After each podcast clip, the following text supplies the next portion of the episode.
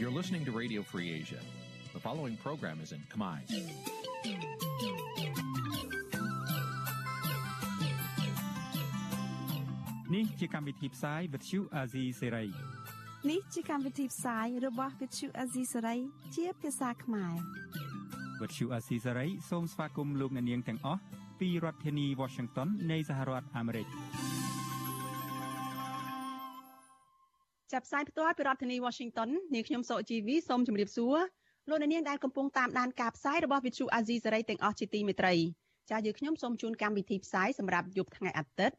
ចាប់ពីរួចខែកដិកឆ្នាំឆ្លូវត្រីស័កពុរសករាជ2565ចាប់ត្រូវនៅថ្ងៃទី21ខែវិច្ឆិកាគ្រិស្តសករាជ2021ចាជាដំបូងនេះសូមអញ្ជើញលោកអ្នកនាងស្ដាប់ព័ត៌មានប្រចាំថ្ងៃដែលមានមេត្តាដូចតទៅ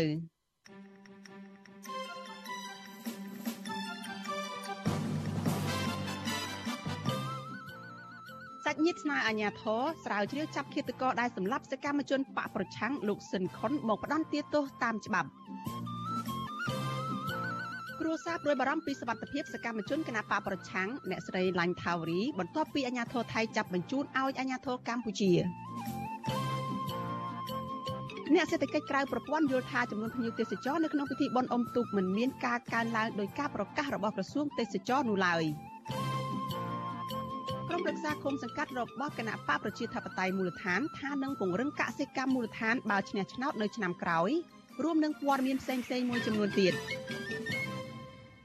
ចាជាបន្តទៅទៀតនេះនាងខ្ញុំសុជីវីសូមជូនព័ត៌មានទាំងនេះពឺស្ដា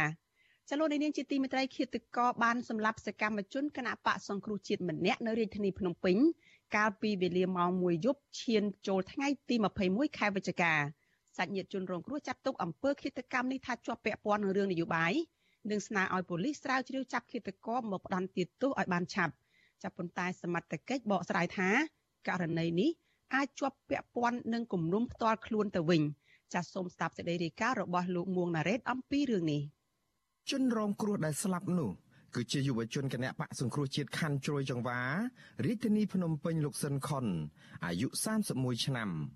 សកម្មជននយោបាយរូបនេះត្រូវបានជន់មិនស្គាល់មុខកាប់ត្រូវជាច្រើនកបិតនៅលើដងខ្លួនបណ្ដាលឲ្យដាច់ជើងមួយចំហៀងត្រឹមភ្លៅនៅមាត់ទន្លេក្បែរវត្តចាស់សង្កាត់ជ្រោយចង្វាខណ្ឌជ្រោយចង្វារាជធានីភ្នំពេញកាលពីវេលាម៉ោង1យប់ឈានចូលដល់ថ្ងៃទី21ខែវិច្ឆិកានៅត្រង់ក្បាលនិងខ្នងរបស់សាកសពមានស្នាមកបិតកាប់ដាច់ជាច្រើនកន្លែង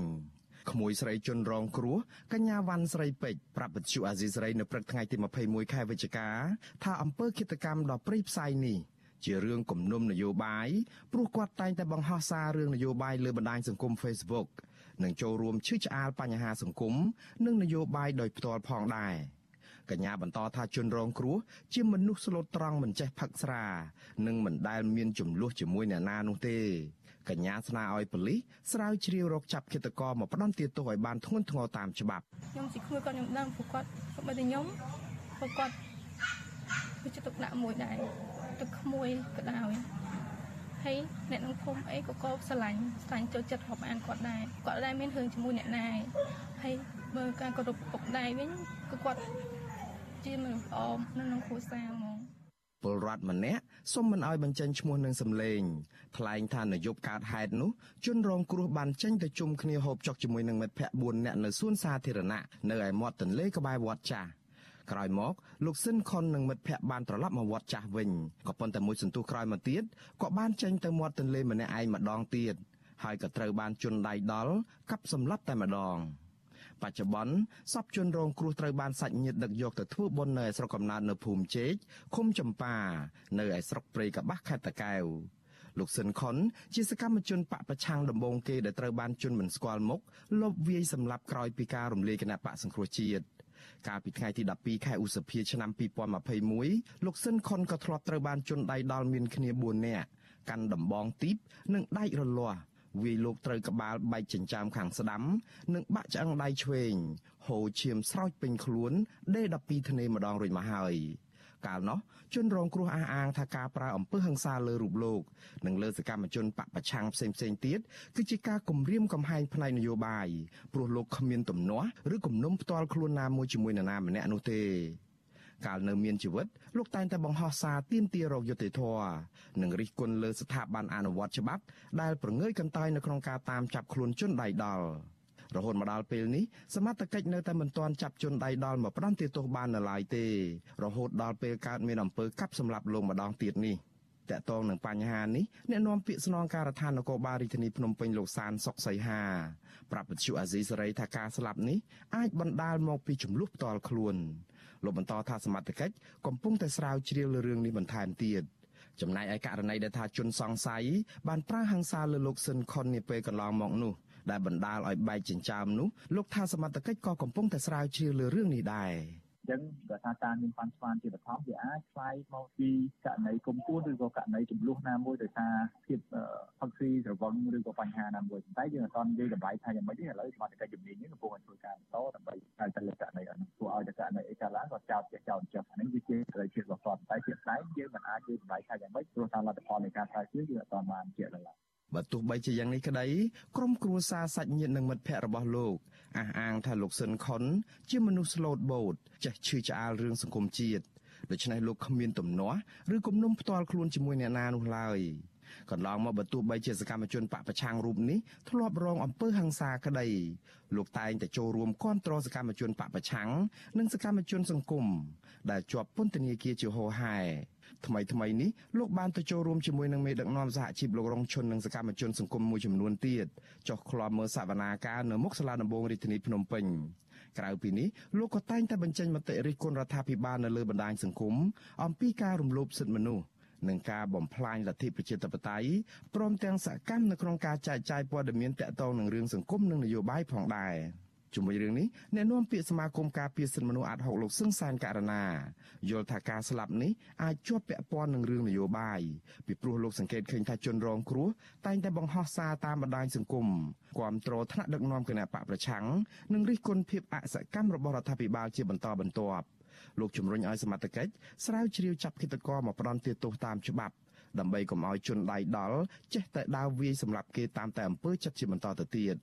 អញ្ចឹងហើយគាត់ធ្លាប់រងការប្រព្រឹត្តនៅអំពើហិង្សាមកលើរូបគាត់ផងទៀតហើយរហូតដល់មានការសម្លាប់គាត់នៅវាត្រីរំលងអត្រាតនឹងទៀតអញ្ចឹងខ្ញុំយល់ថាករណីដែលកើតលើសកម្មជននយោបាយបើសិនជាសមត្ថកិច្ចចង់ជៀសផុតអំពីការចោទប្រកាន់ថាវាមិនមែនជាករណីនយោបាយលុះត្រាតែសមត្ថកិច្ចស្វែងរកជនប្រព្រឹត្តនឹងមកចាត់វិធានការតាមផ្លូវច្បាប់ហើយបញ្ជាក់អំពីមូលហេតុនៃការសម្លាប់នោះអានឹងបានទើបជៀសផុតអំពីការចោទប្រកាន់ពីសំណាក់សាធារណជនដែលគេបានតាមដាននៅក្នុងសំណុំរឿងរបស់គាត់នៅមុនអំពើឃាតកម្មនេះកើតឡើងលោកស៊ិនខុនបានសរសេរបង្ហោះប្រវត្តិរូបខ្លីរបស់លោកនៅលើ Facebook ថាលោកជាកូនកសិករក្រីក្រនៅខេត្តតាកែវក្រោយបញ្ចប់ការសិក្សាថ្នាក់ទុតិយភូមិឬក៏បាក់ឌុបលោកបានបន្តការសិក្សានៅភ្នំពេញរហូតដល់បច្ចុប្បន្នដោយស្នាក់នៅវត្តចាស់ក្នុងសង្កាត់ជ្រោយចង្វា លោកបានបញ្ចប់ការសិក្សាថ្នាក់បរិញ្ញាបត្រឆ្នាំ2014និងបញ្ចប់ថ្នាក់បរិញ្ញាបត្រជាន់ខ្ពស់នៅក្នុងឆ្នាំ2017បច្ចុប្បន្នលោកកំពុងសិក្សាថ្នាក់បណ្ឌិតផ្នែកវិទ្យាសាស្ត្រនយោបាយនៅសាកលវិទ្យាល័យមួយនៅក្នុងរាជធានីភ្នំពេញ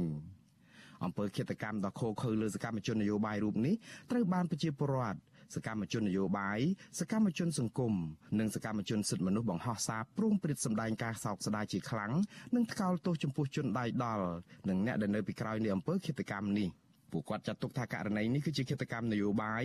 ដើម្បីគំរាមដល់សកម្មជនផ្សេងទៀតនៅក្នុងពេលដែលស្ថានភាពនយោបាយរវាងបកកណ្ដាលអំណាចនិងបកប្រឆាំងកំពុងតែតានតឹងនេះ។ បើទោះបីជាយ៉ាងនេះក្តីពួកគាត់នៅតែជំរុញឲ្យមានការស៊ើបអង្កេតឲ្យម៉ឺងម៉ាត់ដើម្បីផ្ដល់យុត្តិធម៌ជូនជនរងគ្រោះនិងបញ្ចប់វប្បធម៌នីតិរដ្ឋភាពឬក៏ភាពគ្មានទោសពៃចំពោះជនដៃដល់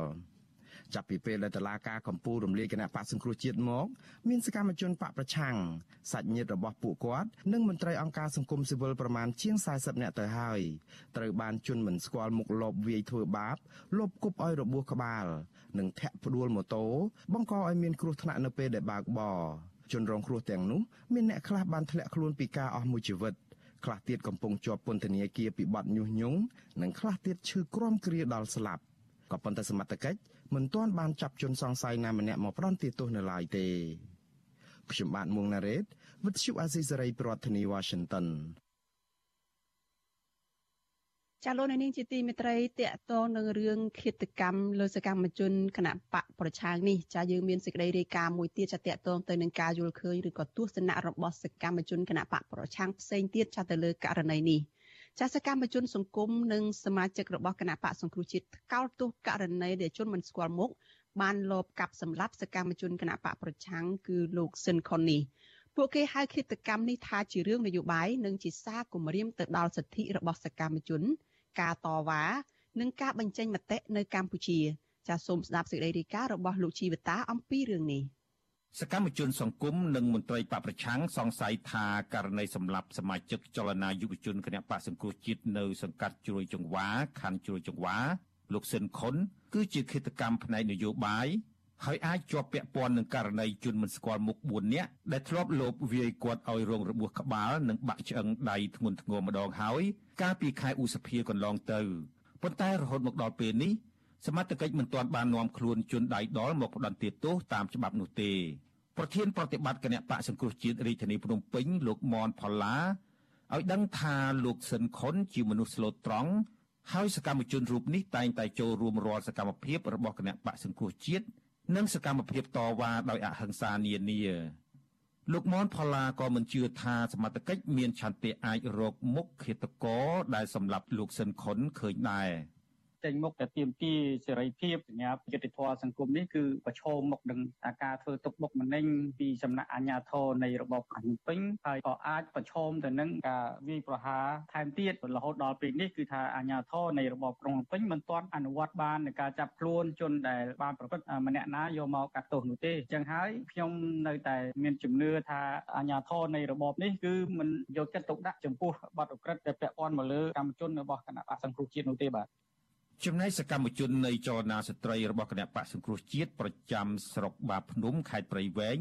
ដែលកំពុងភៀសខ្លួននៅក្រៅប្រទេសលោកស្រីសខ្ចីក៏ថ្កោលទោសចំពោះការសម្លាប់នេះដែរលោកស្រីសខ្ចីជឿថាការសម្លាប់លោកស៊ិនខុនពាក់ព័ន្ធនឹងរឿងនយោបាយព្រោះលោកគឺជាយុវជនដែលហ៊ានចូលរួមតវ៉ាទាមទារឲ្យតុលាការដោះលែងសកម្មជនបកប្រឆាំងហើយក៏ជាមុខសញ្ញាចាស់នៃការលោបវាយពីសំណាក់ជនមិនស្គាល់មុខផងដែរ។ ជាការសម្លាប់ដ៏សាហាវព្រីផ្សៃបំផុតដែលមនុស្សធម្មតាគឺមិនអាចធ្វើបានទេក្រៅពីពួកសត្វដេរិឆានអញ្ចឹងខ្ញុំក្នុងនាមជាយុវជនម្នាក់ក្នុងនាមជាឈាមជ័រជាខ្មែរដូចគ្នាគឺខ្ញុំមានការសោកស្ដាយនៅការបាត់បង់អាយុជីវិតរបស់សកម្មជនគណបក្សសង្គ្រោះជាតិណាសូមថ្កោលទោសអតីតអហង្ការតែម្ដងចំពោះរបបក្រុងភ្នំពេញដែលបានធ្វើបាបធ្វើទុកបុកម្នេញគាត់វាយម្សាហើយដូចគ្នានេះដែរសមាជិកក្រុមស្ត្រីក្លាហានម្នាក់ដែលទើបបានចេញពីពន្ធនាគារគឺលោកស្រីលឹមសាន ក៏សោកស្ដាយចំពោះការសម្លាប់លោកស៊ិនខុននេះដែរលោកស្រីបារម្ភថាប្រសិនបើសមត្ថកិច្ចនៅតែមិនអាចចាប់ជនដៃដល់បានទេ សកម្មជននយោបាយនិងសកម្មជនសង្គមជាច្រើនទៀតអាចនឹងត្រូវរងគ្រោះជាបន្តបន្ទាប់ ខ្ញុំជាប្រជាពលរដ្ឋឯមិនអាចទទួលយកបានទេមិនអាចចាប់បានចិត្តតតែតែតែរួចខ្លួនចំណែកតំណរងគ្រោះនៅតែរងគ្រោះរហូតទៅរកចិត្តធម៌ជួយពួកខ្ញុំមិនបានអញ្ចឹងខ្ញុំជាប្រជាពលរដ្ឋមានតែការសោកស្ដាយនឹងទង្វើដែលធ្វើប្រៃស័យមកលើខ្ញុំមុនឃាតកម្មនេះ3ថ្ងៃគឺកាលពីថ្ងៃទី17វិច្ឆិកាលោកស៊ិនខុនបានទៅចូលរួមឃ្លាំមើលសវនាការរបស់សកម្មជនបកប្រឆាំងចំនួន17នាក់នៅសាលាដំបងរាជធានីភ្នំពេញ ជាមួយអតីតអ្នកជាប់ឃុំបកប្រឆាំងនិងប្រធានសហភាពសហជីពកម្ពុជាលោករងឈុនលោករងឈុនយល់ថាឃាតកម្មនេះឆ្លោះបញ្ចាំងឲ្យឃើញពីសមត្ថកិច្ចរបស់អាជ្ញាធរកម្ពុជាថានៅមានកម្រិតលោកជំរុញឲ្យសមត្ថកិច្ចទប់ស្កាត់កុំឲ្យមានឃាតកម្មលើសកម្មជននិងអ្នកនិយមប្រជាធិបតេយ្យបន្តទៀតលោករងឈុនហៅការសម្លាប់លោកស៊ិនខុនជាករណីធ្ងន់ធ្ងរនិងជាការគំរាមកំហែងដល់សកម្មជនសង្គមផ្សេងទៀត។ សម្រាប់ត្រូវប្រព័ន្ធវាមិនមែនជាការធ្វើឲ្យយើងបតិចតអនៃគេថាសកម្មភាពរបស់យើងទេបាទប៉ុន្តែគ្រាន់ថាការដែលយើងធ្វើការងារយើងត្រូវតែមានថាបាត់បែនមានភាពឆ្លាតវៃបន្តទៅទៀតប៉ុន្តែឲ្យថាមកបង្អាក់ឬបញ្ឈប់ការងាររបស់យើងអានឹងមិនអាចទៅបានទេបើយើងនៅតែបន្តបេសកកម្មដើម្បីស្វែងរកសិទ្ធិសេរីភាពប្រជាធិបតេយ្យជូនប្រជាពលរដ្ឋខ្មែរបន្តទៀត ក្រុមសកម្មជននយោបាយនិងសកម្មជនសង្គមទាំងនេះអំពាវនាវដល់អាជ្ញាធរឲ្យស៊ើបអង្កេតដោយឯករាជ្យមិនលំអៀងនិងប្រកបដោយប្រសិទ្ធភាពចំពោះឃាតកម្មលើសកម្មជននយោបាយរូបនេះដើម្បីផ្ដល់យុត្តិធម៌ដល់ជនរងគ្រោះនិងលុបបំបាត់វប្បធម៌នីតិរដ្ឋភាពបើពុំដូច្នោះទេរដ្ឋាភិបាលនឹងជៀសមិនផុតពីការរិះគន់កាន់តែខ្លាំងពីសាធារណជនទោះជាយ៉ាងណាកន្លងទៅករណីអំពើហិង្សា អំពើឃាតកម្មលើបុគ្គលល្បីៗដែលរិះគន់រដ្ឋាភិបាលដូចជាសកម្មជនសិទ្ធិមនុស្សសកម្មជននយោបាយសកម្មជនប្រៃឈើអ្នកកសែតអ្នកវិភាគនយោបាយនិងប្រសងជាដើមកម្រឃើញអាញាធរនាំខ្លួនជនដៃដល់មកផ្ដន់ទោសតាមច្បាប់ណាស់អាញាធរតែងបកស្រាយដោយគ្មានភ័ស្តុតាងថាករណីហិង្សា និងឃាតកម្មទាំងនោះគឺជារឿងទំនាស់បុគ្គលមិនមែនជារឿងនយោបាយឡើយប៉ុន្តែសហគមន៍ជាតិនិងអន្តរជាតិ តែងរិះគន់ថាករណីទាំងនោះគឺពាក់ព័ន្ធនឹងនយោបាយទើបអាញាធររកជនដៃដល់មិនឃើញដែលនាំឲ្យសង្គមកម្ពុជាក្លាយជាកន្លែងគ្មានសវត្ថិភាព និងកំពុងតែញោមញីដោយវប្បធម៌នីតិរដ្ឋភាពខ្ញុំជីវិតា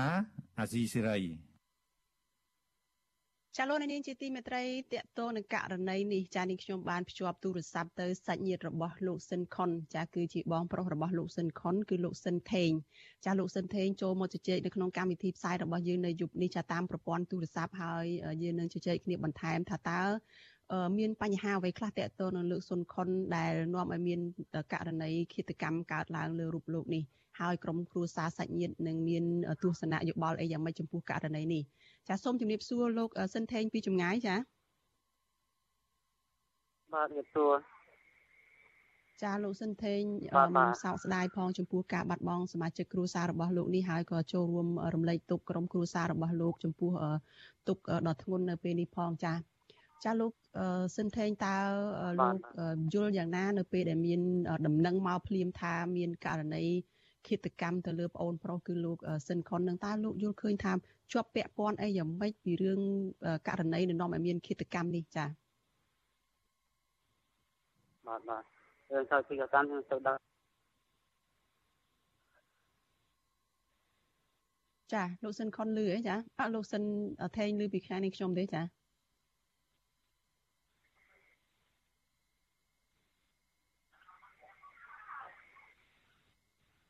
ចាលោកឮពីខាងនេះខ្ញុំទេចាសូមជួយឆ្លើយបន្តិចមកចា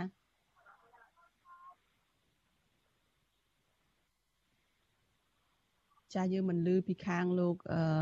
សិនថេងទេប្រហែលជា ប្រព័ន្ធទូរស័ព្ទនឹងពិបាកតាក់ទងគ្នាចាចាយើងនឹងព្យាយាមហៅទៅលោកសិនថេងម្ដងទៀតដើម្បីឲ្យលោកបានចូលមកទៅជែកនៅក្នុងកម្មវិធីផ្សាយរបស់យើងនៅយប់នេះចា នេះខ្ញុំនឹងជជែកជាមួយលោកសិនថេងនេះតាក់ទងទៅនឹងករណីឃាតកម្មទៅលើសកម្មជនរបស់គណៈបកសង្គ្រោះជាតិឬអាចថាជាសកម្មជនយុវជនចលនាយុវជន នៅក្នុង សង្កាត់ជ្រោយចង្វាចាលោកថេងលើពីខាងនេះខ្ញុំទេចាលោកថេងចា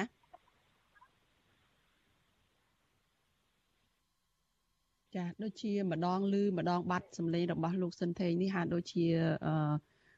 លោកមិនបានឮពីខាងនេះខ្ញុំទេនេះខ្ញុំនិយាយជាមួយគាត់ច្រើនដងហើយតែនៅតែមិនអាចឲ្យគាត់នឹងឆ្លើយឆ្លងបាន ចាអញ្ចឹងសូមអ្នកបច្ចេកទេសចាជួយភ្ជាប់ទៅលោកម្ដងទៀតដើម្បីយើងបានជជែកគ្នាបានចាចាលោកនាងជាទីមេត្រីចាមុននឹងអឺទុកពេលឲ្យអ្នកបច្ចេកទេសអាចតាក់ទងទៅលោកសិនថេងម្ដងទៀតនេះចានេះខ្ញុំសូមមានសេចក្តីរាយការណ៍មួយទៀតចាតាក់ទងទៅនឹង គ្រួសារបកប្រឆាំងដែរចាប៉ុន្តែអ្នកដែលត្រូវចាប់ខ្លួននៅឯប្រទេសថៃហើយបញ្ជូនមកឲ្យអាជ្ញាធរកម្ពុជាចាលោកសិនថេងឮពីខាងនេះខ្ញុំទេចាខ្ញុំឮលោកនិយាយមកប៉ុន្តែលោកដូចជាមិនឮពីខាងខ្ញុំសោះចាព្រោះខ្ញុំទៅចេះតខ្ញុំចេះតមកខ្ញុំបាក់និយាយដែរបាទចា គ្រាន់តែចង់ដឹងថាតើលោកយល់ឃើញយ៉ាងម៉េចចាចំពោះករណីប្អូនប្រុសដែលត្រូវគេធ្វើបាបវាយសម្លាប់នេះចាសម្រាប់សម្បានសោកស្ដាយវាប៉ុណ្្នឹងចាសម្រាប់ចាសោកស្ដាយចង់ឲ្យធ្វើបុណ្យតាមពេលនេះឲ្យបងចុះចាទៅធ្វើបុណ្យដល់ណាដែរចានៅគុំខ្ញុំគុំទេគុំចំប៉ាស្រុកគេបោះខេត្តកែវ ចាអញ្ចឹងសពនឹងបានអញ្ជូនដឹកជញ្ជូនមកពីវត្តចាស់នឹងទៅដល់ហើយឥឡូវនឹងកំពុងតែរៀបចំធ្វើបុណ្យធ្វើទានតាមប្រពៃណីអញ្ចឹងទៅចាបាទប្រពៃណីបាទបាទបាទចាហើយគ្រោងថានឹងបូជាអីនៅពេលណាធ្វើបុណ្យនៅរយៈពេលប្រហែលទៅចាអាចចាប់ហើយ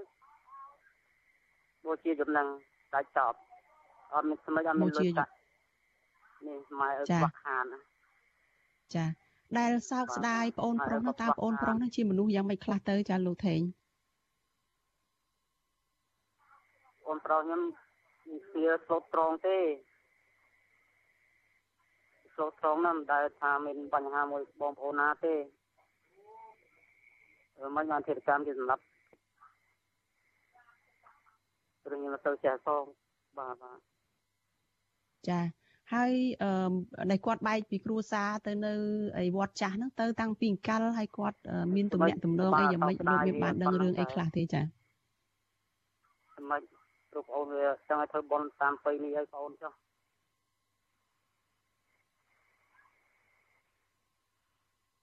ចានៅគុំខ្ញុំគុំជ័យគុំចំប៉ាស្រុកគេបោះខេត្តតាកែវចា អឺបើទោះបីជានិយាយគ្នាបានមែនប៉ុន្តែដូចជាមានអឺពន្យាទៅយើងដូចជានិយាយគ្នាមិនបានឬក៏លោកនិយាយដដែលដដែលត្រឡប់មកវិញដូចជាប្រព័ន្ធទូរស័ព្ទនឹងអាចតាក់ទងគ្នាបានពិបាកមែនទែនចានៅថ្ងៃនេះចាអឺនេះខ្ញុំសូមផ្អាកការសម្ភាសនេះត្រឹមប៉ុណ្ណេះហើយយើងនឹងភ្ជាប់ទៅលោកសិនថេងម្ដងទៀតចាបើសិនជាអាចមានមានស្ថានភាពឬក៏ប្រព័ន្ធទូរស័ព្ទនឹងល្អជាងនេះបន្តិច ចានេះខ្ញុំសូមងាកទៅព័ត៌មានមួយទៀតចាតកតងទៅនឹងគ្រួសាររបស់សកម្មជនគណៈបកសង្គ្រោះជាតិដែលជាប់ឆ្នោតរបស់គណៈបកប្រឆាំងម្នាក់ព្រួយបារម្ភពីសវត្ថភាពរបស់អ្នកស្រីឡាញ់ថាវរីដោយសារតែពួកគាត់នៅតែមិនទាន់ទទួលបានដំណឹងណាមួយពីអាជ្ញាធរខ្មែរថាគាត់កំពុងតែជាប់ឃុំនៅទីណានៅឡើយទេចាបន្ទាប់ពីអាជ្ញាធរថៃបានចាប់បញ្ជូនទៅឲ្យអាជ្ញាធរកម្ពុជា កាលពីព្រឹកថ្ងៃទី20ខែវិច្ឆិកាតបទៅតាមសំណើរបស់រដ្ឋាភិបាលលោកហ៊ុនសែន មន្ត្រីសង្គមស៊ីវិលចាត់ទុកករណីចាប់ឃុំខ្លួននេះដោយមិនបានជូនដំណឹងឬក៏ផ្ដល់ព័ត៌មានទៅដល់ក្រុមគ្រួសារបែបនេះគឺជាការរំលោភសិទ្ធិរបស់អ្នកដែលត្រូវចាប់ខ្លួនឬក៏បំពានទៅលើធ្ងន់ធ្ងរទៅដល់សិទ្ធិមនុស្សជាទូទៅចាសសូមស្ដាប់សេចក្តីរាយការណ៍របស់លោកមានរិទ្ធអំពីរឿងនេះក្រុមគ្រួសាររបស់លោកស្រីឡាញ់ថាវរីដែលជាមេឃុំជាប់ឆ្នោតគណៈបកសង្គ្រោះជាតិនៅឃុំរិស័យក្រោកស្រុកមង្គលបុរីខេត្តបន្ទាយមានជ័យ មិនទាន់ដឹងថាអាញាធរឃុំខ្លួនលោកស្រីនៅកន្លែងណាបានច្បាស់លាស់នៅឡើយទេក្រោយពេលអាញាធរថៃបានចាប់បញ្ជូនលោកស្រីទាំងបញ្ញាបញ្ញាលមកអាញាធរខ្មែរតាមច្រកព្រំដែនអន្តរជាតិប៉ោយប៉ែតកាលពីថ្ងៃទី20ខែវិច្ឆិកាប្តីរបស់លោកស្រីឡាញ់ថាវរីគឺលោកផិនរ៉ាដងប្រាវិសុវស៊ីស្រីថារហូតមកដល់ល្ងាចថ្ងៃទី21ខែវិច្ឆិកាលោកបានដឹងតាមរយៈមិត្តភ័ក្តិប៉ុណ្ណោះត្រឹមតែថាអាញាធរថៃបានចាប់បញ្ជូនប្រពន្ធរបស់លោក ពីច្រកព្រំដែនអន្តរជាតិប៉ោយប៉ែតទៅឲ្យស្នងការដ្ឋាននគរបាលខេត្តបន្ទាយមានជ័យចំណែកអាជ្ញាធរមានសមត្ថកិច្ចកម្ពុជាវិញនៅមិនទាន់បានជូនដំណឹងឬបញ្ជាក់ពីមូលហេតុនៃការចាប់ខ្លួន និងសុកទុកឬទីកន្លែងឃុំខ្លួនប្រពន្ធរបស់លោកឲ្យបានច្បាស់លាស់ដល់ក្រុមគ្រួសារនៅឡើយទេលោកបន្តថានៅពេលដែលអាជ្ញាធរចាប់ខ្លួនប្រពន្ធរបស់លោកដែលមិនបានផ្ដល់ដំណឹងបែបនេះធ្វើឲ្យលោកព្រួយបារម្ភជាខ្លាំង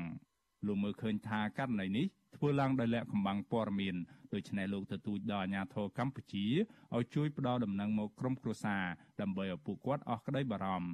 លោកបន្តស្នើដល់ឧត្តមស្នងការអង្គការសហប្រជាជាតិទទួលបន្ទុកសិទ្ធិមនុស្សប្រចាំកម្ពុជា និងអង្គការសិទ្ធិមនុស្សជាតិនិងអន្តរជាតិឲ្យជួយតាមដានករណីនេះផង ជួយតាមដានហើយរីគេយកទៅណាមែនទែនហើយក៏បើជិបគុកក៏ជិបនៅណាទៅហើយសុខភាពគេនឹងតែមិនហើយពេលនេះប៉ុន្តែរឿងនឹងគឺគេលាក់តាំងពីគេមកចាប់មុនដំបូងគេប្រាប់ថារឿងនឹងគេលាក់មកសម្បីតែត្រួតហើយប៉ូលីសថៃគេលាក់ដែរមិនប្រាប់មិនអីមកក៏អ្នកនៅនេះចាំទៅទៅនឹងក៏ដឹងរឿងនឹងអីទេនេះវិសុយស៊ីស្រីមណាតាតងណែនាំពីអគ្គស្នងការដ្ឋាននគរបាលជាតិលោកឆៃកំខឿនដើម្បីសាកសួរអំពីបញ្ហានេះបាននៅឡើយទេ កិនមកទល់នឹងម៉ោងផ្សាយនេះ ដោយទូរស័ព្ទហៅចូលតែពុំមានអ្នកទទួលចំណែកស្នងការនគរបាលខេត្តបន្ទាយមានជ័យលោកសិតឡោះប្រវិសុយស៊ីស្រីថាលោកនៅតែមិនទាន់បានដឹងអំពីករណីចាប់ខ្លួនសកម្មជនគណបកប្រឆាំងពីប្រទេសថៃបញ្ជូនមកកម្ពុជាវិញនេះទេ ខ្ញុំនៅនិយាយទៀតដដែលកិច្ចការងារនឹងខ្ញុំក្តាប់អត់បានទេណាការងារអាជ្ញាធរថៃវិទូននោះតោងនេះដែលគេទទួលបន្តចោះខ្ញុំអត់បានដឹងរឿងនោះទេទាំងបងទៅសួរភាគីដែលពាក់ព័ន្ធទៅតែមិនជឿនៅអ្វីដែលខ្ញុំប្រាប់បងព្យាយាមចង់ដឹងបងអញ្ជើញចូលស្នងការដ្ឋានមកមើលមួយចង្អុលមុខនគរបាលណាដែលបងឃើញក្នុងរូបថតឲ្យខ្ញុំណាដើម្បីគិតបំភ្លឺរឿងនឹងឲ្យតែម្ដងលោកស្រីឡាញ់ថាវរីគឺជាមេឃុំជាប់ឆ្នោតរបស់គណៈបកសង្គ្រោះជាតិនៅឃុំរិស័យក្រោកស្រុកមង្គលបុរីខេត្តបន្ទាយមានជ័យកាលពីឆ្នាំ2017 លោកស្រីបានរស់នៅភៀសខ្លួននៅក្នុងប្រទេសថៃអស់រយៈពេលជាង4ឆ្នាំហើយត្រូវបានទទួលស្គាល់ឋានៈជាជនភៀសខ្លួនដែលឧត្តមស្នងការអង្គការសហប្រជាជាតិទទួលបន្ទុកសិទ្ធិជនភៀសខ្លួនឬហៅកាត់ថា UNHCR ប្រចាំនៅប្រទេសថៃទន្ទឹមនឹងនេះលោកស្រីធ្លាប់ចូលរួមសកម្មភាពគាំទ្រគណៈបកសង្គ្រោះជាតិជាពិសេសគាំទ្រដំណើរមាតុភូមិនិវត្តរបស់លោកសំរងស៊ីមកកម្ពុជាវិញកាលពីឆ្នាំ2019 លោកស្រីត្រូវបានតុលាការចាត់ប្រកាន់នៅក្នុងសំណុំរឿងរួមគំនិតក្បត់ជាមួយថ្នាក់ដឹកនាំនិងសកម្មជនគណៈបកសង្គ្រោះជាតិជាង100នាក់ផ្សេងទៀតអាញាធរថៃបានចាប់ខ្លួនលោកស្រីកាលពីថ្ងៃទី19ខែវិច្ឆិកានិងបញ្ជូនខ្លួនលោកស្រីទៅកម្ពុជាវិញតាមច្រកព្រំដែនអន្តរជាតិប៉ោយប៉ែតកាលពីព្រឹកថ្ងៃទី20ខែវិច្ឆិកាការចាប់ខ្លួននេះធ្វើឡើងក្រោយពេលអាជ្ញាធរថៃទើបតែបានចាប់ខ្លួនសកម្មជនគណបកប្រឆាំង2នាក់ ដែលមានឋានៈជាជនភៀសខ្លួន គឺលោកវឿងសំណាង និងលោកវឿនវាសនាហៅក្រញូងព្រៃឡង់បញ្ជូនទៅឲ្យអាជ្ញាធររដ្ឋាភិបាលលោកហ៊ុនសែនយកទៅដាក់ពន្ធនាគារជុំវិញរឿងនេះនាយករងទទួលបន្ទុកផ្នែកឃ្លាំមើលសិទ្ធិមនុស្សនៃអង្គការលីកាដូលោកអំសមាតមានប្រសាសន៍ថាការចាប់ឬឃុំខ្លួនដោយមិនបានជូនដំណឹងឬផ្ដល់ព័ត៌មានដល់ក្រុមគ្រួសាររបស់ពួកគេ គឺជាការរំលោភបំពានសិទ្ធិមនុស្សធ្ងន់ធ្ងរ លោកយល់ថាការចាប់បញ្ជូនសកម្មជនគណបកប្រឆាំងពីប្រទេសថៃដែលទទួលស្គាល់ដោយឧត្តមស្នងការអង្គការសហប្រជាជាតិទទួលបន្ទុកជនភៀសខ្លួនឬ UNHCR ជាបន្តបន្ទាប់នេះបង្ហាញថាស្ថានភាពនយោបាយនិងសិទ្ធិមនុស្សនៅកម្ពុជាហាក់មិនទាន់ប្រសើរនៅឡើយទេ យើងទទូចឲ្យមានការដល់ព័ត៌មានសម្រាប់ក្រុមគ្រួសារអំពីការឃុំខ្លួនឬក៏កន្លែងឃុំខ្លួនរបស់គាត់ឲ្យក្រុមគ្រួសារបានដឹងព្រោះអានេះវាជាសិទ្ធិរបស់គាត់ជាជាសិទ្ធិដែលគ្មាននរណាហាមគាត់ទេហើយជាការទទួលខុសត្រូវផងដែរជូនដំណឹងរបស់អាជ្ញាធរពាក់ព័ន្ធដើម្បីឲ្យក្រុមគ្រួសារគេបានដឹងតកតងទៅនឹងការចាប់បញ្ជូនជនភៀសខ្លួនខ្មែរពីប្រទេសថៃទៅកាន់ប្រទេសកម្ពុជាវិញជាបន្តបន្ទាប់នេះ អង្គការឃ្លាំមើលសិទ្ធិមនុស្សអន្តរជាតិ Human Rights Watch និងឧត្តមស្នងការអង្គការសហប្រជាជាតិទទួលបន្ទុកជនភៀសខ្លួន UNHCR ប្រចាំប្រទេសថៃសោកស្ដាយនិងថ្កោលទោសចំពោះរដ្ឋាភិបាលថៃនិងរដ្ឋាភិបាលកម្ពុជា ថាកំពុងរំលោភបំពានសិទ្ធិមនុស្សធ្ងន់ធ្ងរដែលមិនអាចទទួលយកបានឡើយលើពីនេះទៀតអង្គការឃ្លាំមើលសិទ្ធិមនុស្សអន្តរជាតិទាមទារឲ្យអាជ្ញាធរថៃត្រូវតែលើកកម្ពស់កិច្ចការពារជនភៀសខ្លួនខ្ញុំបានមេរិត Visual C ស្រីរាយការណ៍ពីរដ្ឋធានី Washington ចាលោកនាងកញ្ញាជាទីមេត្រីចាលោកនាងកំពុងតែតាមដានការផ្សាយរបស់ Vithu Azizi សេរីចាផ្សាយចេញពីរដ្ឋធានី Washington សហរដ្ឋអាមេរិកចាគណៈបកប្រជាធិបតេយ្យមូលដ្ឋានឬហៅកាត់ថា GDP ដែលបង្កើតឡើងដោយអតីតមន្ត្រីអង្គការសង្គមស៊ីវិលនិងក្រុមបញ្ញវន្តនោះទទួលបានអាសនៈក្រុមប្រឹក្សាចំនួន3ឃុំនៅទូទាំងប្រទេស នៅក្នុងការបោះឆ្នោតក្រុមប្រឹក្សាឃុំសង្កាត់កាលពីឆ្នាំ2017ចាក្នុងចំណោម3ឃុំនោះមានមួយឃុំស្ថិតនៅក្នុងខេត្តរតនគិរីគឺឃុំប៉ាតេដែលជាតំបន់សម្បូរទៅដោយជនជាតិដើមភាគតិចរស់នៅចតាក្រុមប្រឹក្សាឃុំប៉ាតេនៃគណៈបកប្រជាធិបតេយ្យមូលដ្ឋានសម្រាប់បានលទ្ធផលអ្វីខ្លះហើយពួកគាត់ត្រៀមរៀបខ្លួនយ៉ាងណាខ្លះដើម្បីចូលរួមការបោះឆ្នោតនៅក្នុងឆ្នាំ2022ខាងមុខនេះ ចាលោកអ្នកនាងនឹងបានស្ដាប់សេចក្តីរាយការណ៍នេះពិស្ដានៅក្នុងការផ្សាយរបស់យើងនៅពេលបន្តិចទៀតនេះ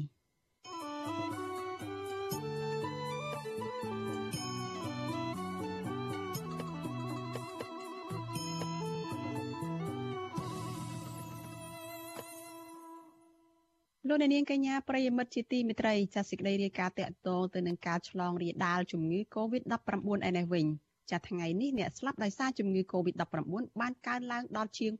2900នាក់ហើយក្រោយដែលមានអ្នកជំងឺចំនួន4នាក់ទៀតបានស្លាប់ក្នុងនោះមាន3នាក់មិនបានចាក់ថ្នាំបង្ការជំងឺ Covid-19 ឬវ៉ាក់សាំងបង្ការជំងឺនេះទេចាស់ចំណែកករណីឆ្លងថ្មីវិញក្រសួងសុខាភិបាលប្រកាសថាមាន41នាក់ដែលជាលទ្ធផលបញ្ជាក់ដោយម៉ាស៊ីនពិសោធន៍ PCR ប៉ុន្តែតួលេខនេះក៏នៅតែមិនទាន់រាប់បញ្ចូលលទ្ធផលដែលពិនិត្យតាមឧបករណ៍តេស្តរហ័សឬក៏ Rapid Test នោះទេ ចាក់គិតត្រឹមព្រឹកថ្ងៃទី21ខែវិច្ឆិកាកម្ពុជាមានអ្នកកើតជំងឺ Covid-19 សរុបជិត120,000នាក់ក្នុងនោះអ្នកដែលជាសះស្បើយមានជាង110,000នាក់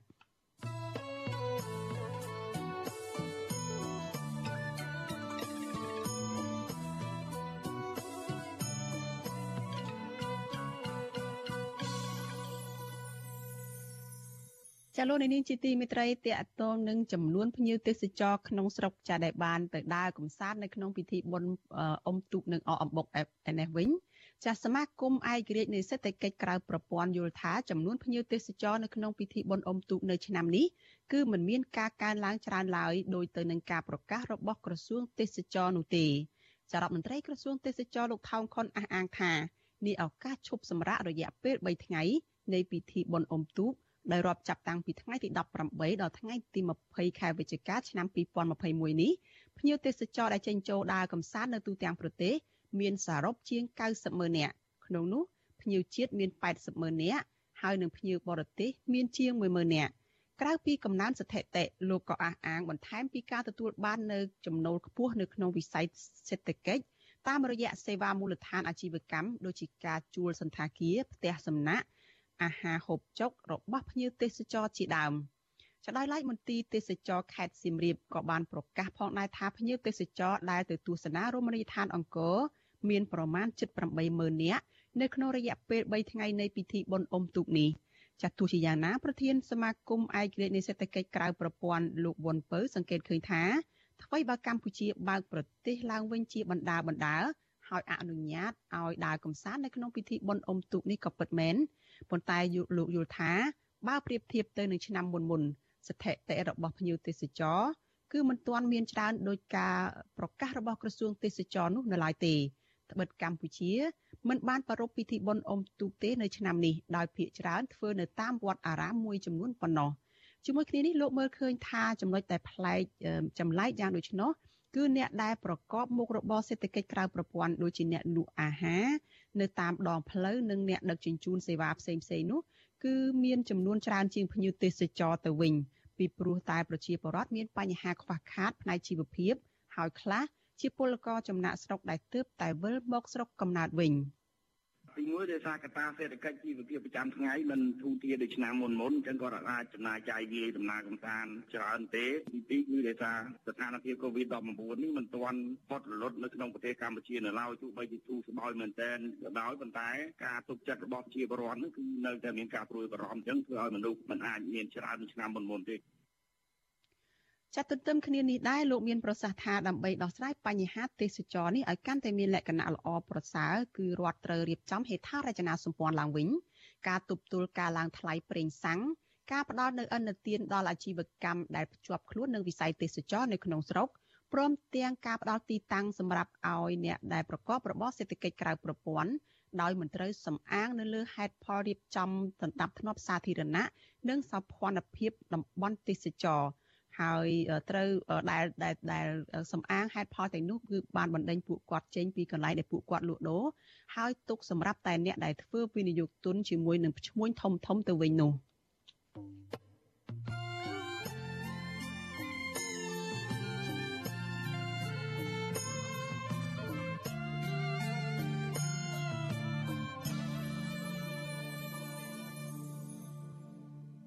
ចាលោកនាងជាទីមិត្តរីរឿងដាច់ដោយឡែកមួយទៀតចាកាលពីថ្ងៃទី16ខែវិច្ឆិកាឆ្នាំ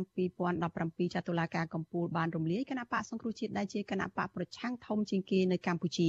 ចាប៉ុន្តែរហូតមកដល់ពេលនេះប្រធានគណៈបកនេះគឺលោកកឹមសុខាដែលរងការចាប់ខ្លួននិងចោទប្រកាន់ពីទោសក្បត់ជាតិចាតាំងពីមុនពេលដែលគណៈបកនេះមិនទាន់ត្រូវបានរំលាយនោះក៏នៅមិនទាន់ទទួលបានការជំនុំជម្រះនៅឡើយចាអ្នកខ្លំមើលប្រព័ន្ធយុតិធធយល់ថា សាដីការរំលាយគណៈបកសង្គ្រោះជាតិមានចំណុចជាជាបញ្ហាផ្លូវច្បាប់នោះជាច្រើននិងជាសេចក្តីសម្រេចជាប្រវត្តិសាស្ត្រមួយរបស់តុលាការកំពូល ដែលមានចរិតនយោបាយដើម្បីបម្រើផលប្រយោជន៍របស់គណៈបកកាន់អំណាចចាសសូមស្ដាប់សេចក្តីរាយការណ៍របស់លោកជីវិតាអំពីរឿងនេះ4ឆ្នាំក្រោយគណៈបករបស់ខ្លួនត្រូវបានរំលាយតាមអំណាចសាដីកាតុលាការកំពូលសកម្មជននិងអ្នកគាំទ្រគណៈបកសង្គ្រោះជាតិភៀកច្រើន នៅតែមិនបោះបង់ចោលគណៈបកដែលខ្លួនពេញចិត្តមួយនេះបើទោះជាអ្នកខ្លះរងការធ្វើទុកបុកម្នេញរហូតដល់ចាប់ដាក់ពន្ធនាគារក៏ដោយចោះពួកគេភ័យច្រើននៅតែបង្ហាញទឹកចិត្តឃ្លាវខ្លាស្វាហាប់ក្នុងការបន្តជួយគណៈបកឲ្យមានជីវិតឡើងវិញក្នុងទ្រង់ទ្រាយណាមួយអ្នកឃ្លាំមើលនយោបាយកម្ពុជាយល់ថាគណៈបកកាន់អំណាចអាចសម្លាប់គណៈបកសង្គ្រោះជាតិបានតែរូបរាងប៉ុណ្ណោះ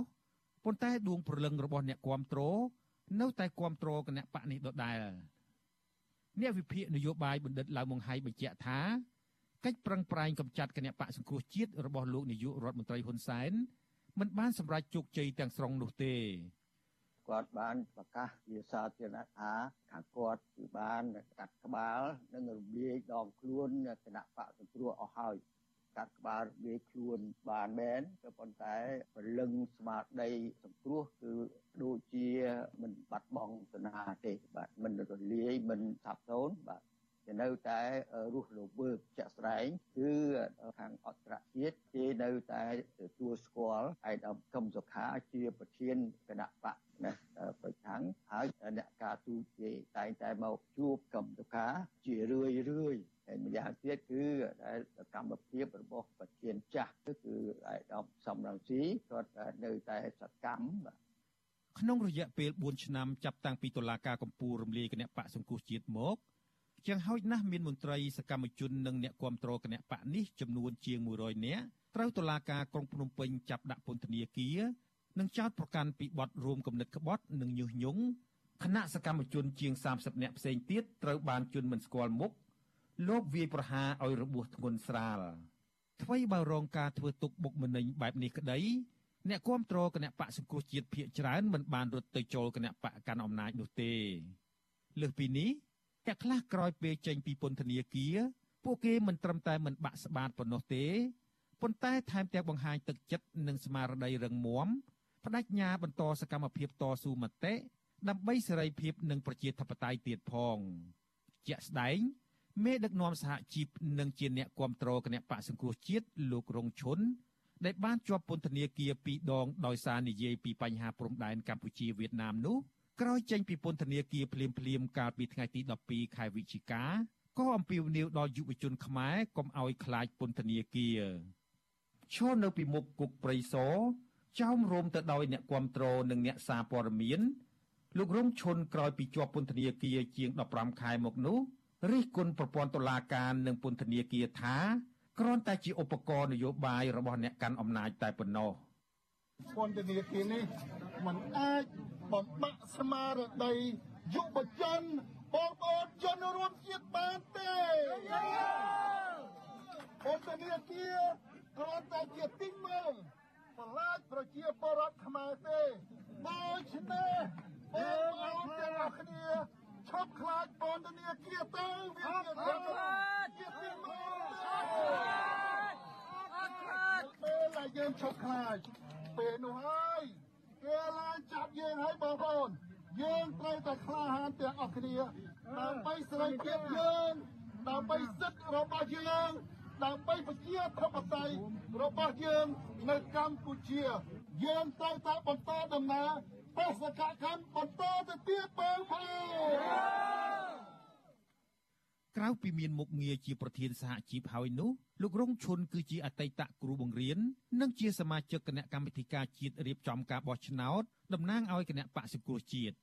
លោកបានតវ៉ាប្រឆាំងនឹងការរំលាយគណៈបកសង្គ្រោះជាតិដោយការលាលែងចេញពីសមាជិកភាពគណៈកម្មាធិការជាតិរៀបចំការបោះឆ្នោតដែលនៅទីនោះ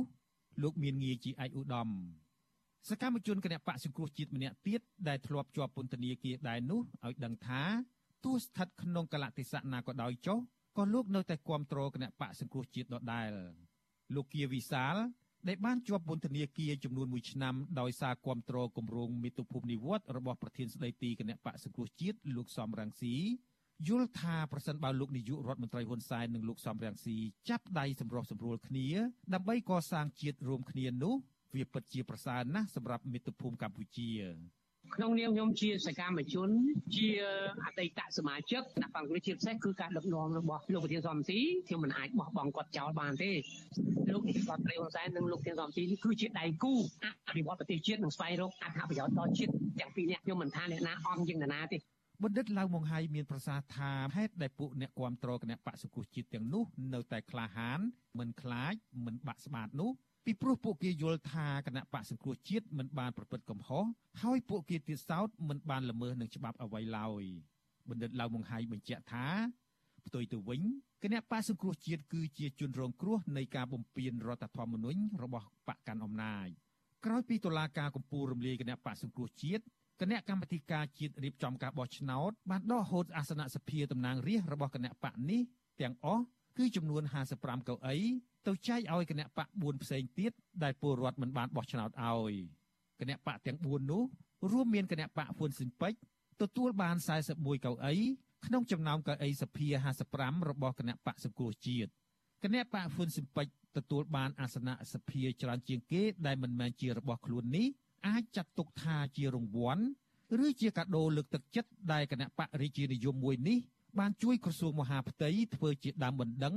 ប្តឹងរំលាយគណៈបកសង្គ្រោះជាតិចំណែកគណៈបកតូចតូចពីរទៀតដែលចូលរួមបោះឆ្នោតសកលឆ្នាំ2013ដែរតែមិនឈ្នះឆ្នោតនោះគឺគណៈបកសញ្ជាតិខ្មែរទទួលបាន2អាសនៈនិងគណៈបកខ្មែរអភិវឌ្ឍសេដ្ឋកិច្ចទទួលបាន1អាសនៈហើយអាសនៈសភាដែលនៅសល់ចំនួន11កៅអីរបស់គណៈបកសង្គ្រោះជាតិនោះគឺគណៈបកប្រជាជនកម្ពុជាប្រមូលយកទាំងអស់បន្ទាប់ពីគណៈបកសម្ព័ន្ធដើម្បីប្រជាធិបតេយ្យ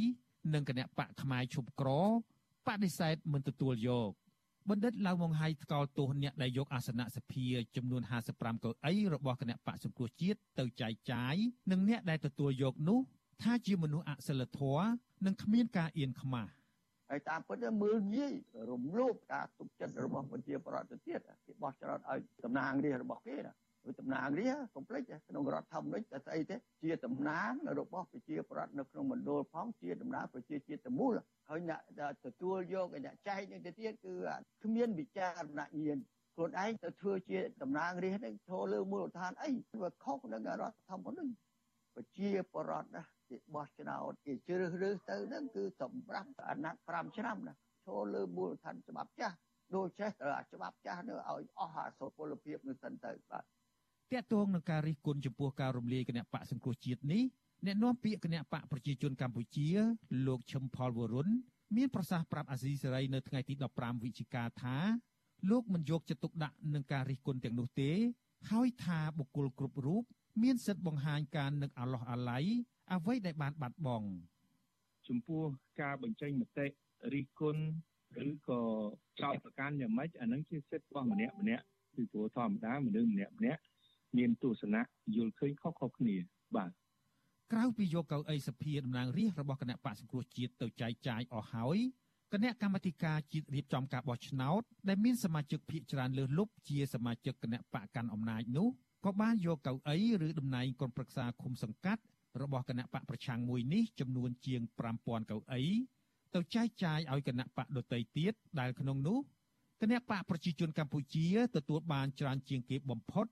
គឺរហូតដល់4548កៅអីលើសពីនោះតុលាការកំពូលក៏បានហាមថ្នាក់ដឹកនាំគណៈបកសង្គ្រោះជាតិចំនួន118រូបមិនឲ្យធ្វើនយោបាយចំនួន5ឆ្នាំបណ្ឌិតឡៅម៉ុងហៃថាអ្វីដែលធ្ងន់ធ្ងរជាងនេះទៅទៀតនោះគឺសារដីការរំលាយគណៈបកសង្គ្រោះជាតិនោះបានបិទផ្លូវតវ៉ាដែលលោកថាជាការបំពីបំពេញលើសិទ្ធិប្តឹងឧទ្ធរដោយមានចែងក្នុងច្បាប់ផ្សេងផ្សេងទៀត គោលការណ៍សិទ្ធិមនុស្សត្រូវតែមានរតោហើយច្បាប់ទៀតទៀតដូចជាច្បាប់ព្រំប្រទានយើងច្បាប់រដ្ឋាភិបាលនេះមានរតោបាទនឹងច្បាប់សិទ្ធិមនុស្សអន្តរជាតិក៏គេមានចែងយ៉ាងដែររដ្ឋសភាបានធ្វើវិសោធនកម្មច្បាប់បោះឆ្នោតដោយដកសិទ្ធិប្តឹងឧទ្ធររបស់គណៈបកដែលត្រូវរំលាយបណ្ឌិតឡៅម៉ុងហៃហៅច្បាប់របៀបនេះថាជាច្បាប់បំពានសិទ្ធិមនុស្សដែលមិនត្រូវគោរពតាមណៃធ្វើច្បាប់មែនក៏តែច្បាប់ហ្នឹងសរុបមកជាច្បាប់អយុត្តិធម៌ ហើយបើតាមមតិសន្មត់យូរហើយរាប់សតវត្សហើយច្បាប់ណាអត់យុត្តិធម៌មិនមែនជាច្បាប់ទេហើយណា Martin Luther King ក៏ថាដែលអត់ត្រូវដែលគោរពអនុវត្តច្បាប់អយុត្តិធម៌ទេចំពោះការពន្យាពេលមិនជំនុំជម្រះក្តីប្រធានគណៈបកសង្គ្រោះជាតិលោកកឹមសុខារហូតដល់ជាង4ឆ្នាំនេះបណ្ឌិតឡាវមង្ហៃមានប្រសាសន៍ថាជាការរំលោភសិទ្ធិបុគ្គលក្នុងការទទួលបានការជំនុំជម្រះឆាប់រហ័ស លោកថាសង្គមនីតិរដ្ឋដែលយកច្បាប់ជាធំគេសុកចិត្តដោះលែងមនុស្ស100នាក់ប៉ុន្តែមិនអោយចាប់ច្រឡំមនុស្សម្នាក់ទេរឿងកម្មសុខានេះគោលសេរីភាពគាត់វិញទៅអានេះគោលការណ៍ច្បាប់ព្រំទាន់មួយគឺគេថាគេឲ្យឃុំដល់3ខែយើងយកអានឹងមកយើងមានលទ្ធភាពទាំងអស់មានមធ្យោបាយទាំងអស់ដើម្បីរកផុសតាងដើម្បីដែលជំនុំជម្រះក្តីរកការពិតទៅឲ្យឃើញទៅព្រោះបើយើងអសមត្ថភាពដោះលែងគាត់វិញទៅអានឹងចឹងថាសង្គមមួយ សុខចិត្តឲ្យមនុស្សដែល100នាក់ដែលរួចខ្លួនចុះបាទកុំឲ្យតែដាក់ទោសខុសដល់មនុស្សម្នាក់ណាបើយើងតែមានវប្បធម៌បែបអញ្ចឹងគឺត្រូវតែដោះលែងទៅទទោះជាយ៉ាងណាក៏ដោយចុះបណ្ឌិតឡាវម៉ុងហៃមានប្រសាសន៍ថាដើម្បីដោះស្រាយវិបត្តិនយោបាយនៅពេលនេះគណៈបកកាន់អំណាចគួរតែបើកលំហប្រជាធិបតេយ្យនិងបង្កលក្ខណៈឲ្យគ្រប់គណៈបកនយោបាយទាំងអស់ ទោះគណៈបកណាមាននានាការនយោបាយជាមួយគណៈបកសង្គ្រោះជាតិក៏ដោយចុះក៏គួរអនុញ្ញាតឲ្យពួកគេចុះឈ្មោះចូលរួមបោះឆ្នោតនៅពេលខាងមុខឲ្យទាន់ពេលវេលាដែរ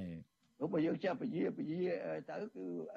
អាចទៅដល់អាគារទៅគេរៀបចំមិនទាន់បាទចាអានឹងក៏ខុសនឹងសមាដីកិច្ចព្រមព្រៀងសន្តិភាពទីក្រុងប៉ារីសហើយភាពសមហេតុផលផងមិនបាច់ចាំដល់ស្មារតីនោះទេបាទអ្នកវិភាគស្ថានភាពសង្គមនិងនយោបាយកម្ពុជាបណ្ឌិតឡាវមុងហៃបន្តថា គណៈបកកាន់អំណាចមិនអាចសម្លាប់ស្មារតីនិងប្រលឹងរបស់អ្នកគ្រប់គ្រងគណៈបកសង្គ្រោះជាតិបានទេពីព្រោះអំពើរំលាយគណៈបកនេះហើយយកអាសនៈសភានិងកៅអីក្រុមប្រឹក្សាឃុំសង្កាត់របស់ពួកគេដែលពលរដ្ឋបោះឆ្នោតឲ្យស្របច្បាប់នោះគឺជាទង្វើដ៏អយុត្តិធម៌មួយដែលម្ចាស់ឆ្នោតមិនអាចទទួលយកបាន និងមិនអាចបំភ្លេចបានខ្ញុំជីវិតាអាស៊ីសេរី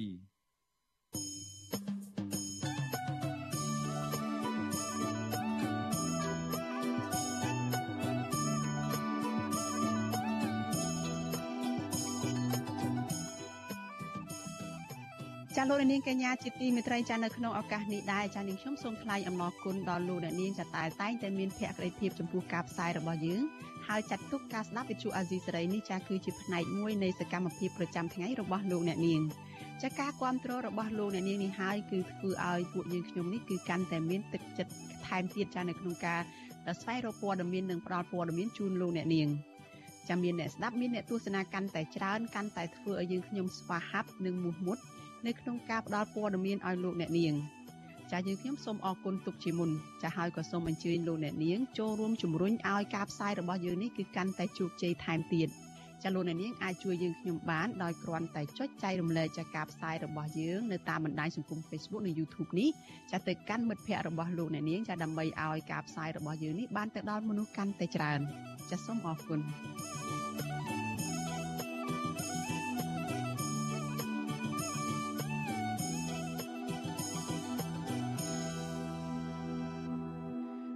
លោកនាងជាទីមេត្រីសេចក្តីរាយការណ៍តាក់ទងទៅនឹងការត្រៀមខ្លួនរបស់បេក្ខជនដែលចូលរួមការបោះឆ្នោតសម្រាប់ការបោះឆ្នោតក្រុមប្រឹក្សាគុំសង្កាត់នៅក្នុងឆ្នាំ2022ខាងមុខវិញចាគណៈបកប្រជាធិបតេយ្យមូលដ្ឋានហៅកាត់ថា GDP ដែលបានបង្កើតឡើងដោយអតីតមន្ត្រីអង្គការសង្គមស៊ីវិលនិងក្រុមបញ្ញវន្តនោះទទួលបានអាសនៈក្រុមប្រឹក្សាចំនួន3ឃុំនៅទូទាំងប្រទេសនៅក្នុងការបោះឆ្នោតក្រុមប្រឹក្សាឃុំសង្កាត់កាលពីឆ្នាំ2017ចាក្នុងចំណោម3ឃុំនោះ គឺមានមួយឃុំស្ថិតនៅក្នុងខេត្តរតនគិរីគឺឃុំប៉ាតេដែលជាតំបន់សម្បូរទៅដោយជនជាតិដើមភាគតិចរស់នៅតើក្រមព្រឹក្សាឃុំសង្កាត់នៃឃុំប៉ាតេរបស់គណៈបកប្រជាធិបតេយ្យមូលដ្ឋាន បានសម្រេចសមិទ្ធផលអ្វីខ្លះហើយពួកគាត់ត្រៀមខ្លួនយ៉ាងដូចម្តេចដែរសម្រាប់ការបោះឆ្នោតនៅក្នុងឆ្នាំ2022ខាងមុខចាសសូមស្ដាប់សេចក្តីរាយការណ៍មួយទៀតរបស់លោកមួងណារ៉េតអំពីរឿងនេះ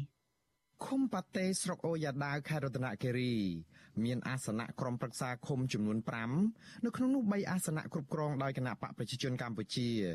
និង2អាសនៈទៀតគ្រប់គ្រងដោយគណៈបកប្រជាធិបតេយ្យមូលដ្ឋាន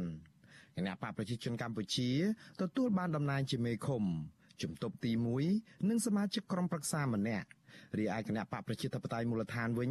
គណៈបកនេះកាន់ការងារជាជំទប់ទី2និងសមាជិកក្រុមប្រឹក្សាម្នាក់ ជំទប់ទី2ខុំប៉ាតេគូតាគណៈបកប្រជាធិបតេយ្យមូលដ្ឋានលោកខ្លានភួនឲ្យវិទ្យុអាស៊ីសេរីដឹងថារយៈពេល4ឆ្នាំមកនេះឃុំរបស់លោកសម្រេចបានសមិទ្ធផលជាច្រើន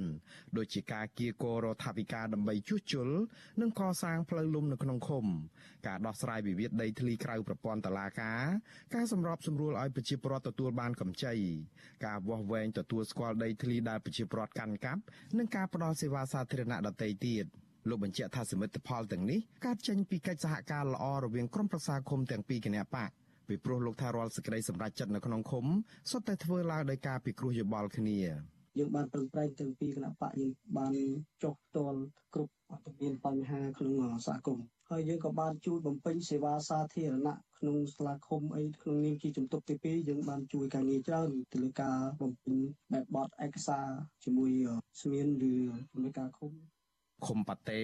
មានភូមិចំនួន4និងមានពលរដ្ឋសរុបជិត800គ្រួសារដែលស្មើនឹងជិត3000នាក់ប្រជាពលរដ្ឋភៀសច្រើនគឺជាជនជាតិដើមភៀសតិចចរាយដែលប្រកបមុខរបរធ្វើស្រែចម្ការដាំដំឡូងមីនិងស្វាយចន្ទីជាដើម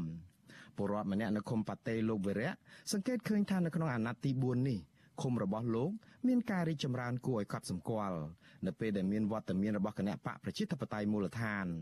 លោកថ្លែងទៀតថាក្រុមប្រឹក្សាឃុំទាំងពីរគណៈបកហាក់ដូចជាយកចិត្តទុកដាក់នៅក្នុងការបម្រើផលប្រយោជន៍ប្រជាពលរដ្ឋជាធំលោកបញ្ជាក់ថាភាពខុសគ្នារវាងភាគីទាំងពីរគឺខាងគណៈបកប្រជាជនកម្ពុជាមានធនធានច្រើន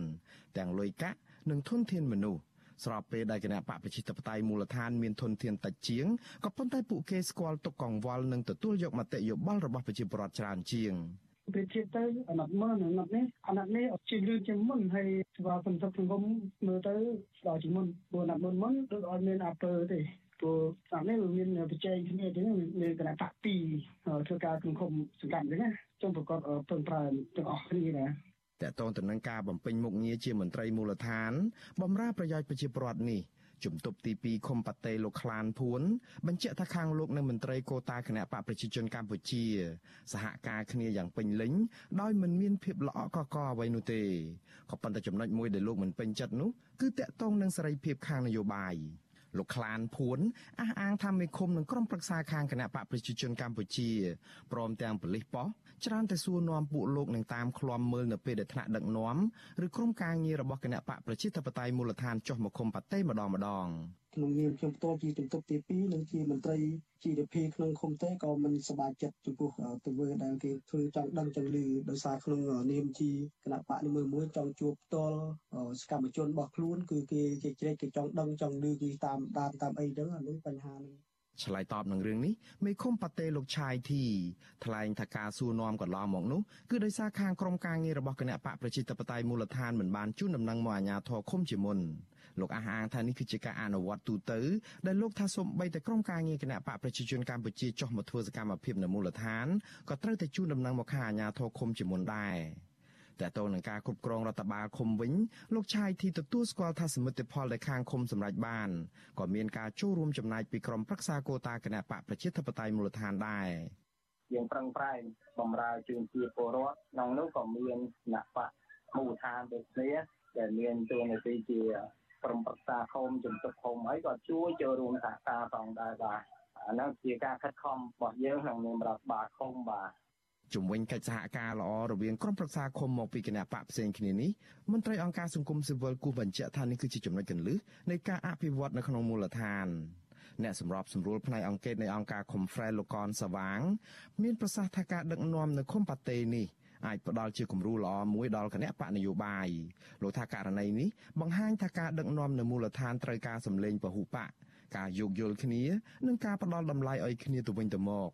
លោកថាមេរៀនសំខាន់មួយទៀតនោះគឺការដាក់បេក្ខជនដែលមានសក្តានុពលនិងជួយជំរុញដំណើរការអភិវឌ្ឍមូលដ្ឋានកាន់តែឆាប់រហ័ស នៅក្នុងឃុំបាត់តេហ្នឹងអ្វីដែលខ្ញុំមើលឃើញថែមទៀតគឺថាលោកឆៃទីហ្នឹងក៏គាត់មិនមែនជា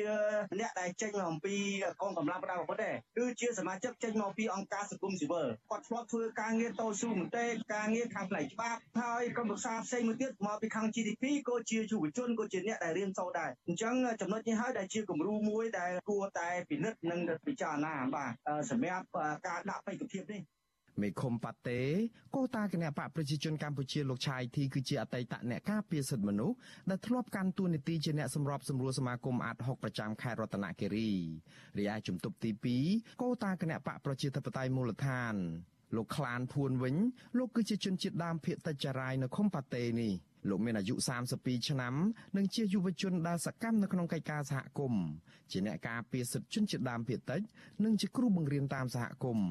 ដោយឡែកក្រុមប្រឹក្សាឃុំ3នាក់ផ្សេងទៀតពួកគាត់ក៏សុទ្ធសឹងតែជាជនជាតិដើមភាគតិចចារាយនៅក្នុងឃុំប៉ាតេនេះដូចគ្នា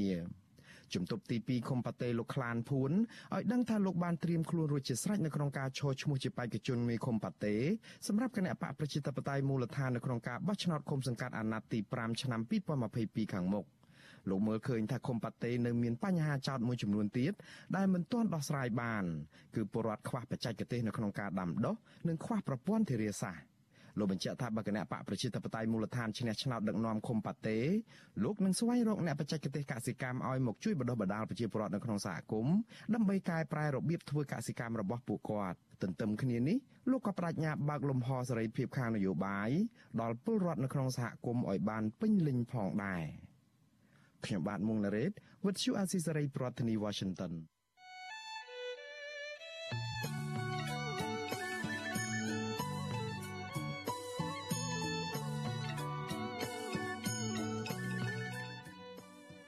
ចាលោកនាងជាទីមេត្រីចាលោកនាងក៏អាចស្ដាប់ការផ្សាយរបស់វិទ្យុអាស៊ីសេរីចាដំណើរគ្នានឹងការផ្សាយតាមបណ្ដាញសង្គម Facebook និង YouTube នេះចាតាមរយៈវិទ្យុរលកធាតុអាកាសខ្លី SW តាមកម្រិតនិងកម្ពស់ដូចតទៅនេះចាប់ពេលព្រឹកចាប់ពីម៉ោង5កន្លះដល់ម៉ោង6កន្លះតាមរយៈវិទ្យុរលកធាតុអាកាសខ្លីចា9390 kHz ស្មើនឹងកម្ពស់ 32m និង11850 kHz ស្មើនឹងកម្ពស់ 25m ពេលយប់ចាប់ពីម៉ោង7កន្លះដល់ម៉ោង8កន្លះតាមរយៈរលកធាតុអាកាសខ្លី9390 kHz ស្មើនឹងកម្ពស់ 32m និង15155 kHz ស្មើនឹងកម្ពស់ 20m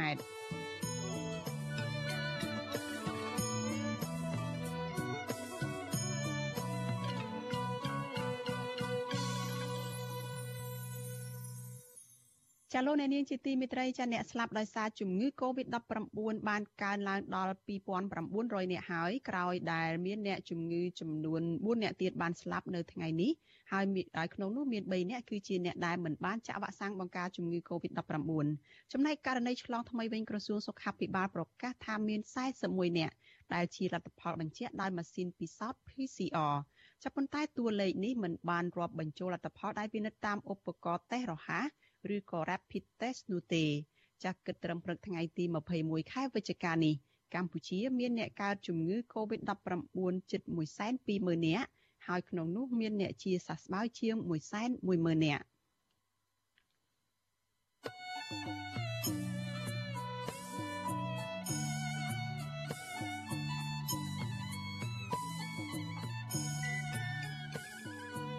ចាលោកនាងកញ្ញាប្រិមិត្តជាទីមេត្រីចាក្រៅពីតាមដានកម្មវិធីផ្សាយរបស់ Vithu Azizi សេរីចាតាមបណ្ដាញសង្គម Facebook YouTube និង Telegram លោកអ្នកនាងក៏អាចតាមដានការផ្សាយរបស់យើងតាមរយៈបណ្ដាញសង្គម Instagram របស់ Vithu Azizi សេរីបានតាមរយៈអាសយដ្ឋាន instagram.com/rfa ខ្មែរចា Vithu Azizi សេរីខិតខំផ្សព្វផ្សាយព័ត៌មានពិតទៅកាន់លោកអ្នកនាងតាមរយៈបណ្ដាញសង្គមផ្សេងៗនិងសម្បូរបែប។ ចាដើម្បីឲ្យលោកអ្នកនាងងាយស្រួលតាមដានការផ្សាយរបស់យើងនេះបានគ្រប់ពេលវេលា និងគ្រប់ទីកន្លែងទៅតាមរយៈទូរស័ព្ទដៃរបស់លោកអ្នកនាង។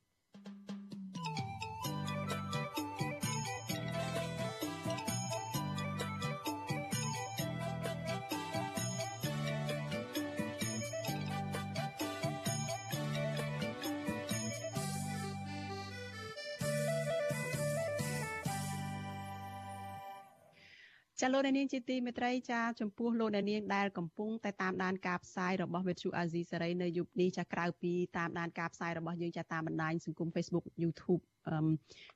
Facebook នេះចាលោកអ្នកនាងក៏អាចស្ដាប់ការផ្សាយរបស់យើងតាមរយៈវិទ្យុរលកធាតុអាកាសខ្លីដែរចាលោកអ្នកនាងអាចស្ដាប់បានតាមរយៈ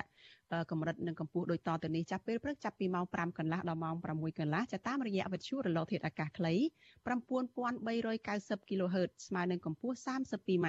និង11850 kHz ស្មើនឹងកម្ពស់ 25m ចាប់ពេលយប់ចាប់ពីម៉ោង7កន្លះដល់ម៉ោង8កន្លះតាមរយៈរលកធាតុអាកាសខ្លី9390 kHz ស្មើនឹងកម្ពស់ 32m និង11500និង15155 kHz ស្មើនឹងកម្ពស់ 20m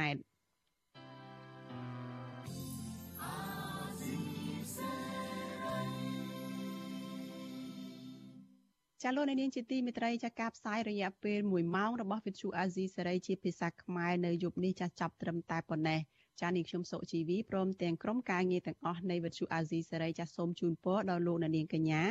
ឲ្យជួបប្រកបតែនឹងសេចក្តីសុខចាចម្រើនរុងរឿងកំបីគ្លៀងគ្លាតឡើយចានាងខ្ញុំសូមអរគុណនិងសូមជម្រាបលា thank you